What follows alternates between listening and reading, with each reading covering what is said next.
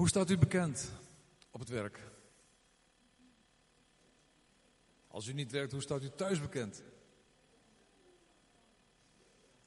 Bent u bekend als 's ochtends vrolijk en opgewekt? Staat u bekend als uh, moeilijk de dag kunnen beginnen? Minstens twee koppen koffie? Ja? Ik weet niet hoe het, uh, hoe het u vergaat zo morgens als u uh, op het werk komt. Ik kan alleen maar voor mezelf spreken natuurlijk. Maar meestal dan rijd ik zo naar het werk toe en dan heb ik of zo'n praatprogramma erop of soms dan heb ik zo'n muziekding. en dan ja, dan zing ik lekker mee in de bus en dan uh, rijd ik zo naar de werkplaats. En dan doe ik zo de tralalatio. Dan kom ik zo binnen en dan zitten ze allemaal dikke peuken. Hè? Dus we zijn met z'n zessen, vijf roken er volop. En dan zeg ik, jongens, je weet dat uh, rookplek vrij, hè? Ja, daar, die hele grote lood, die is rook, rookplek vrij, daar mag ik dan gaan zitten. Dat doe ik natuurlijk niet, maar goed, dat betekent wel dat je s'morgens direct... Maar ik kom zingend binnen en ik ga zingend weg en... Zo sta ik een beetje bekend. En uh, heel soms dan gebeurt het, dan, dan zijn er dingen of zo, dan loopt het helemaal lekker. En dan, uh, dan zegt mijn collega, hey Falco. Ja, ik heb zo'n bijnaam op het werk, Falco. hey Falco jongen, wat is er met jou aan de hand? Ja, hoezo? Ja, je fluit niet, want uh, hij heeft één, één gehoor. Ik heb er al eens een keer iets over gezegd. Eén gehoor. En als ik dan fluit, dan is het heel hoog en dat vind ik dan lekker zo. Maar dan, dan, dan komt het zo bij hem binnen en dan zit hij, oeh, Falco, hop joh. En, nou voor. Maar ik sta een beetje bekend als uh, ja, de, de vrolijke, hè? De, de, ja, de gezellige, de vrolijke. Ja, en op het werk. Ik heb gelezen nu van een man die eigenlijk ook altijd op zijn werk vrolijk moest verschijnen. Hij was namelijk schenker bij de koning. Nehemia is dat. Nehemia was schenker bij de koning. Hij was in ballingschap, maar hij was werkzaam bij uh, koning Artax, Artax, Artaxerxes. En uh, ik denk dat Nehemia zelf misschien een beetje mocht voorproeven, maar als hij te veel zou hebben, dan zou hij die naam ook niet meer kunnen uitspreken.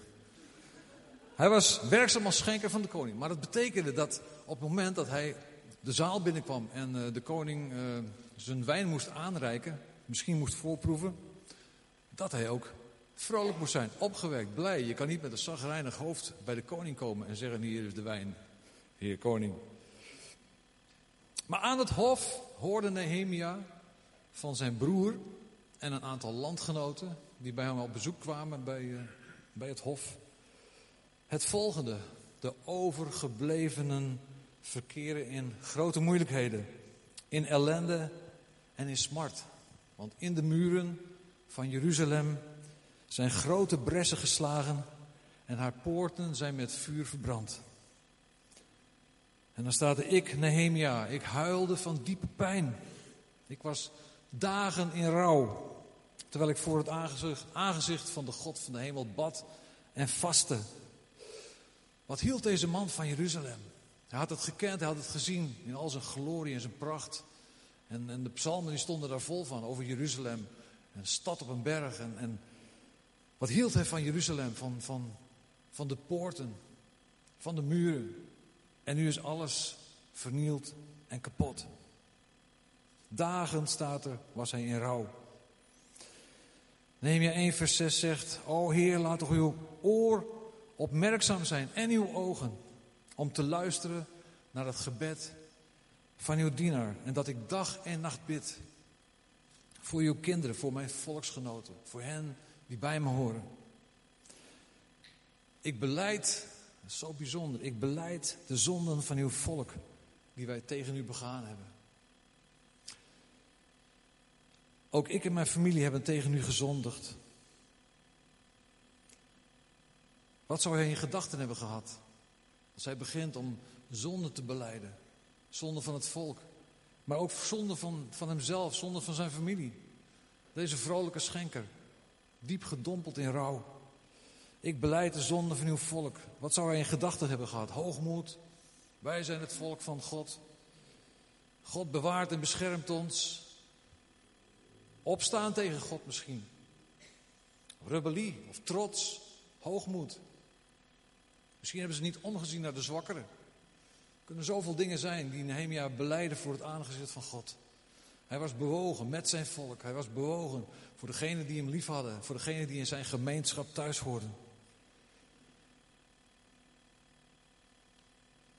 Na deze periode waarin Nehemia die slechte boodschap moet verwerken, werd hij door de koning ontboden om hem te dienen. Hij moest er tegenaan. Hij was misschien nog niet weer helemaal vrolijk gestemd. Maar de koning eh, ontbood hem, dus dan ga je naar de koning toe. De koning keek naar Nehemia en hij zei: Wat zie ik daar voor verdriet? Ik zie dat je, dat, je, dat je pijn hebt in je hart. Waarom ben je zo verdrietig?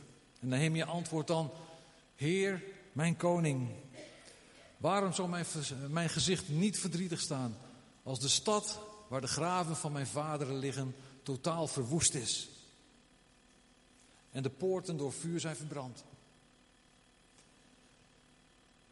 De koning die kijkt hem aan en die zegt van, Nehemia, Nehemia, wat verzoek je mij dan? Wat zou je graag willen dat ik doe? Het is heel bijzonder als de koning dat zegt tegen Nehemia. Hij zag het verdriet van Nehemia, gedompeld in pijn. Het kwam tot in zijn lichaam tot uiting.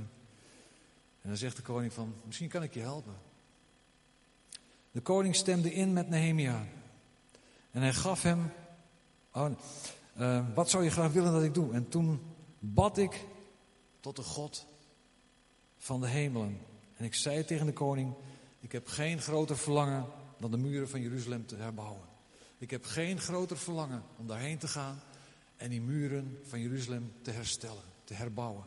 Ik heb geen groter verlangen dan Jeruzalem weer te zien hersteld in een oude glorie weer.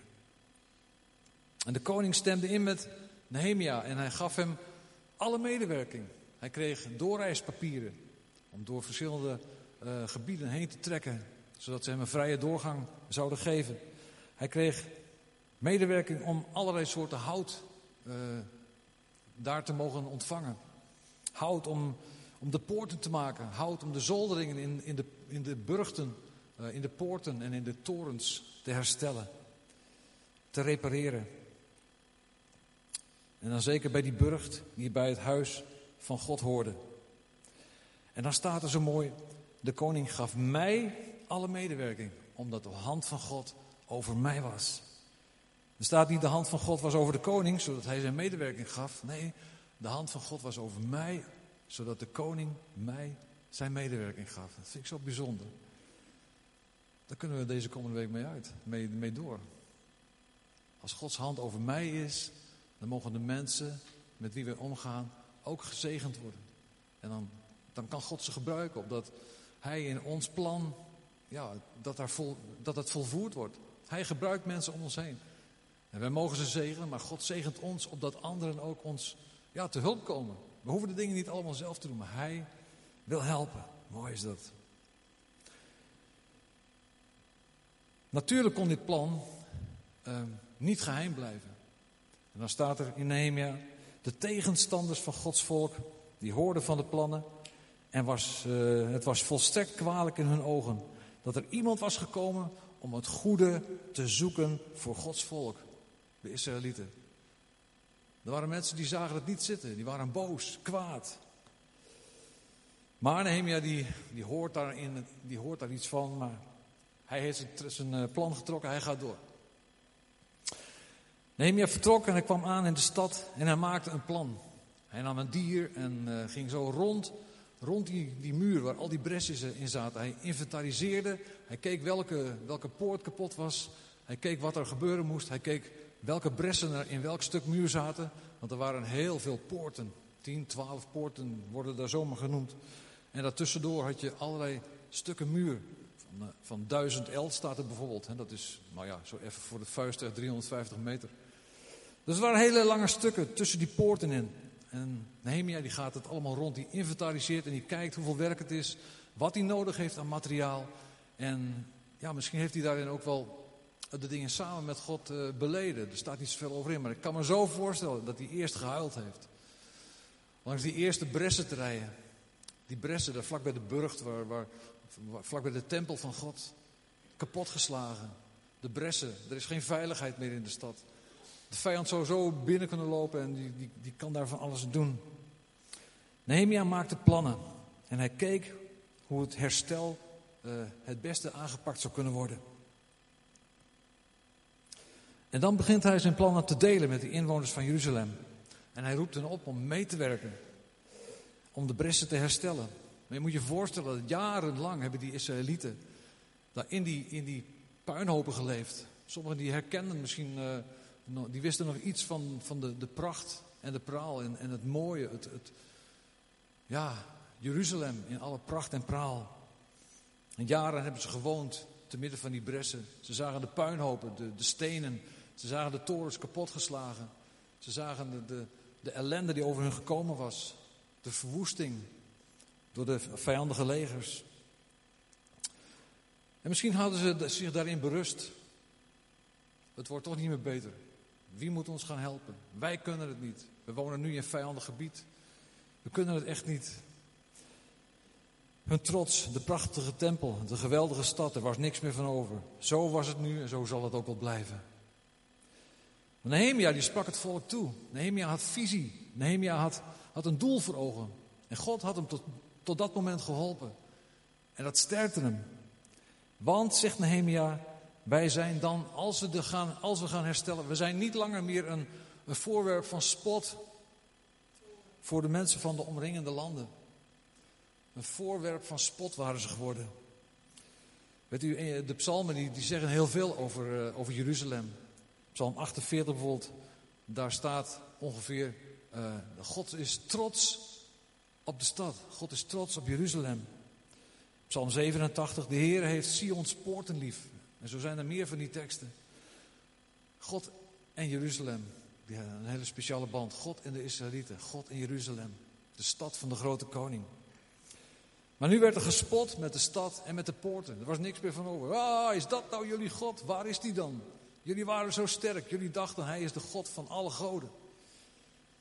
Er werd gespot met de stad en met de poorten. Maar eigenlijk werd er gespot met God zelf. Met de God van Israël. Die de verwoesting niet kon tegenhouden. Maar Nehemia die spreekt het volk toe. Jongens, laten we gaan opstaan. Laten we gaan bouwen. En laten we de bressen gaan herstellen. Tot eer van God. En op het moment dat hij deze woorden uitspreekt, dan zie je direct in het woord van God, dan komen uh, Sanballat, Tobia en Gesem om de hoek. Dat zijn de, de vijanden. Op het moment dat de plannen werden omgezet in daden, dan komt de vijand ook om de hoek kijken. Sanballat, Tobiat en Gesem, hun wapen was intimidatie. Daar zijn uh, velen van ons ook mee bekend.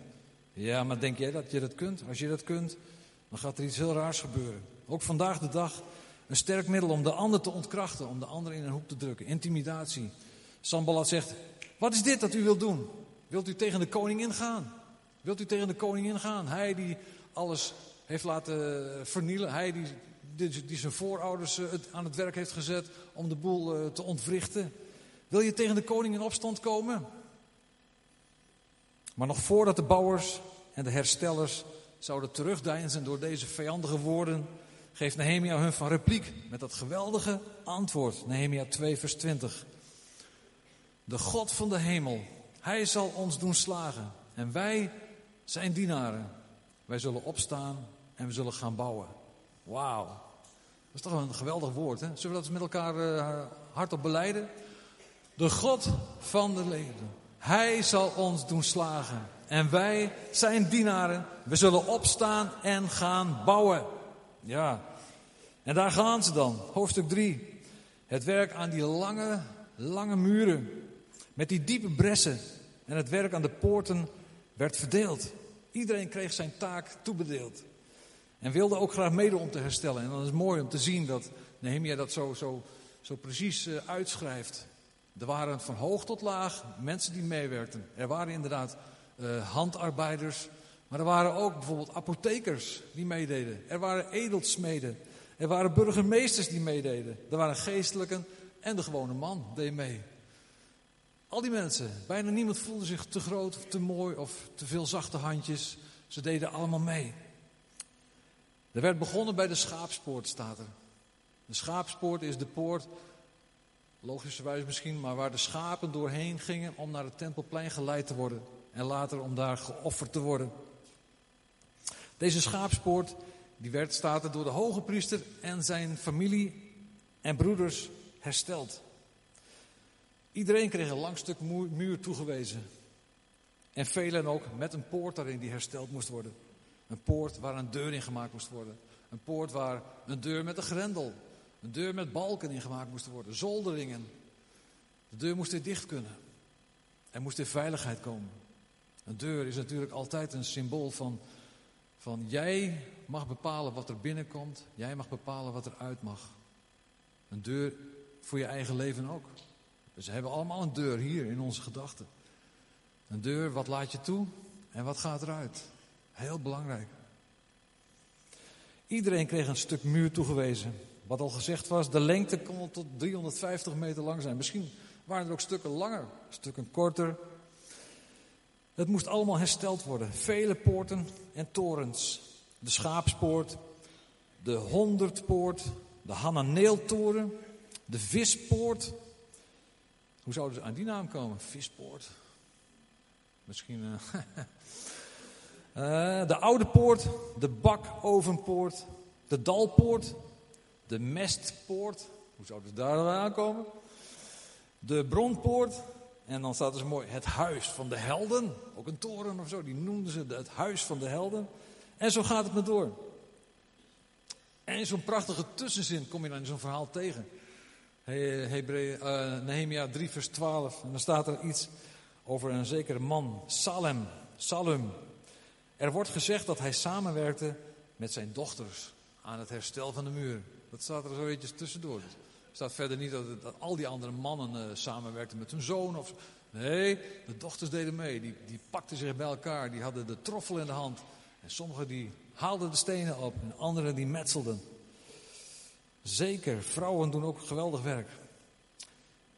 Het slimme van Nehemia was dat vele werkers begonnen met het stuk eerst voor hun eigen huis te doen. De bressen te herstellen voordat ze ergens anders gingen helpen. Ik denk, wat een les is dat ook weer. Om je eerst je eigen bressen te herstellen en dan pas anderen daarbij te gaan helpen. Ik denk, wat is dat, wat is dat belangrijk? Ook, ook in, in onze gemeente. Hoe belangrijk is het om. Natuurlijk verlang je om te helpen. Natuurlijk verlang je om eigenlijk in elke situatie te helpen, te willen helpen.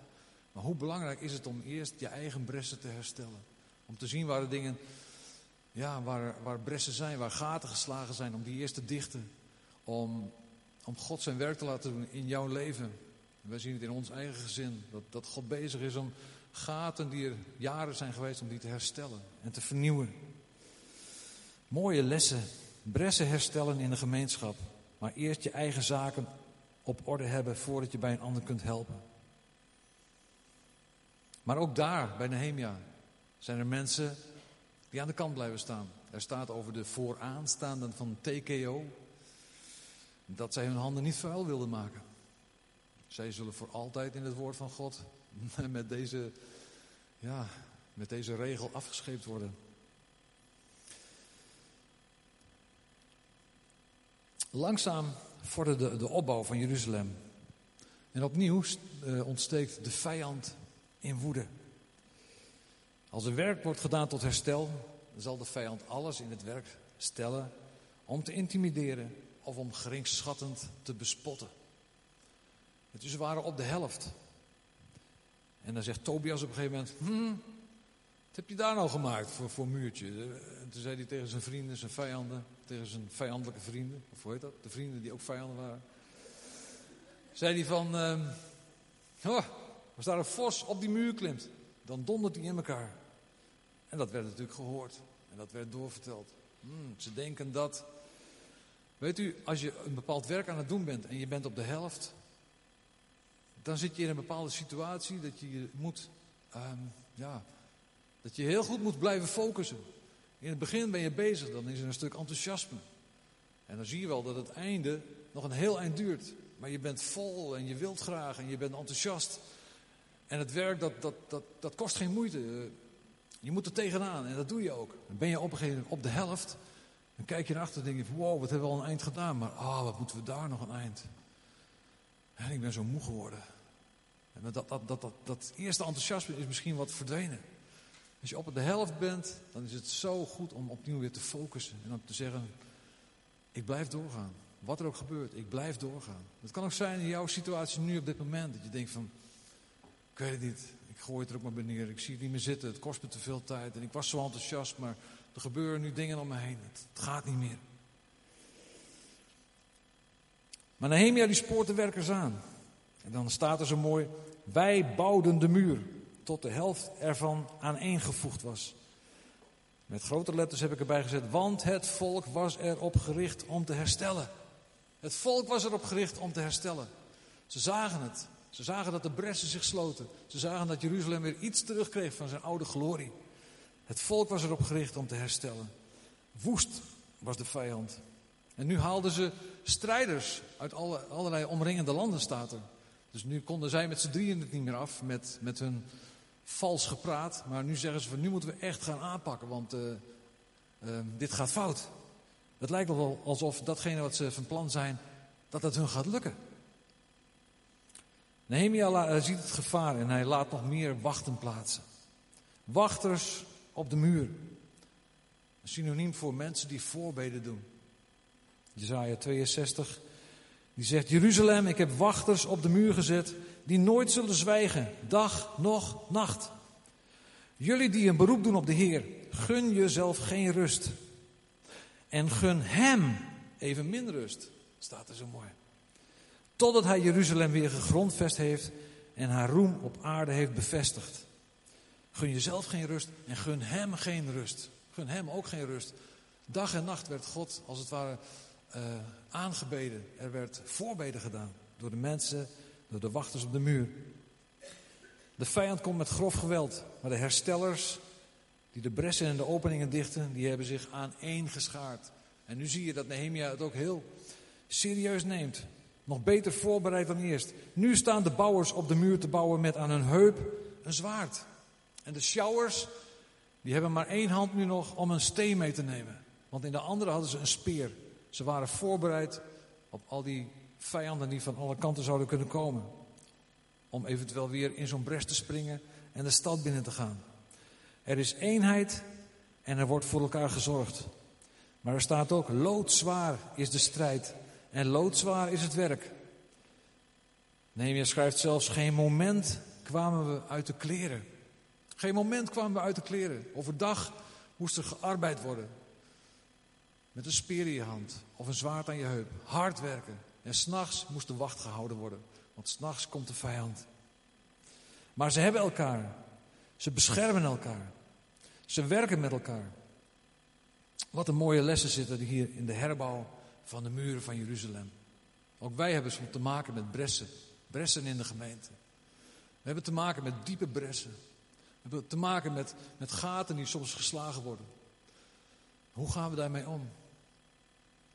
Ik moest denken aan, aan, aan de muur, ook een andere muur van Jericho. U weet dat die muur, dat God had gezegd, loop eromheen. En op de zevende dag moet je zeven keer eromheen lopen. Maar die laatste dag mag je geen woord spreken. Al die zeven keer niet. Want dan op dat moment zal ik die muur laten instorten. Ze mochten niks zeggen. En iemand zei eens tegen me, dat is eigenlijk alleen maar gedaan omdat God weet hoe wij reageren. De eerste keer loop je eromheen, ben je blij. De tweede keer, de vierde keer, dan denk je van... Ik zie nog niks. De vijfde keer loop je eromheen en zeg je tegen je buurman... Eh, heb jij al wat gezien? En de zesde keer zegt hij... Jij hebt niks gezien en ik heb ook nog niks gezien. Hm, het zal wel helemaal niks worden. Het geloof dat dendert naar beneden. Door dingen tegen elkaar te zeggen, kan je elkaar opbouwen of naar beneden halen. God had gezegd, zeg maar helemaal niks. Blijf maar verwachten, blijf maar zien op elkaar. Blijf maar zien op, uh, op wat ik ga doen.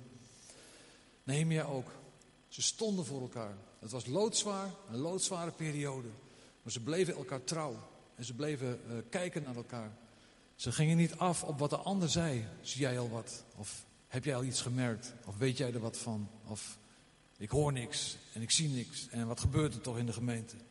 Schouder aan schouder voorbeden doen en de bressen gaan sluiten. Wat is er geweldig dat de glorie van God. Uh, ja, nee, laat ik het anders zeggen.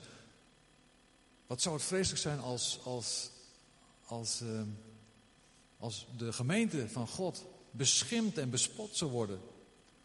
Wat is het veel beter als de, als de gemeente van God een plaats is waar de glorie van God zichtbaar wordt. En waar mensen zeggen van wow, dat... Natuurlijk, moeilijkheden worden niet bespaard, maar ze gaan er doorheen. En ze houden elkaar vast. En ze bemoedigen elkaar. En ze, ze, ze, ze gaan in die voorbeden door, dag en nacht. En ze gunnen elkaar geen rust. Ze gunnen God geen rust. Ze blijven bidden en zeggen: Heer, u gaat het doen. De bressen worden hersteld, de muren worden hersteld, de torens worden hersteld, de poorten komen erin, de grendels gaan er weer op. En alleen wij mogen zeggen: van, Kom maar binnen of blijf buiten. Wauw, dat is gemeente zijn. Wat een lessen staan hierin. Maar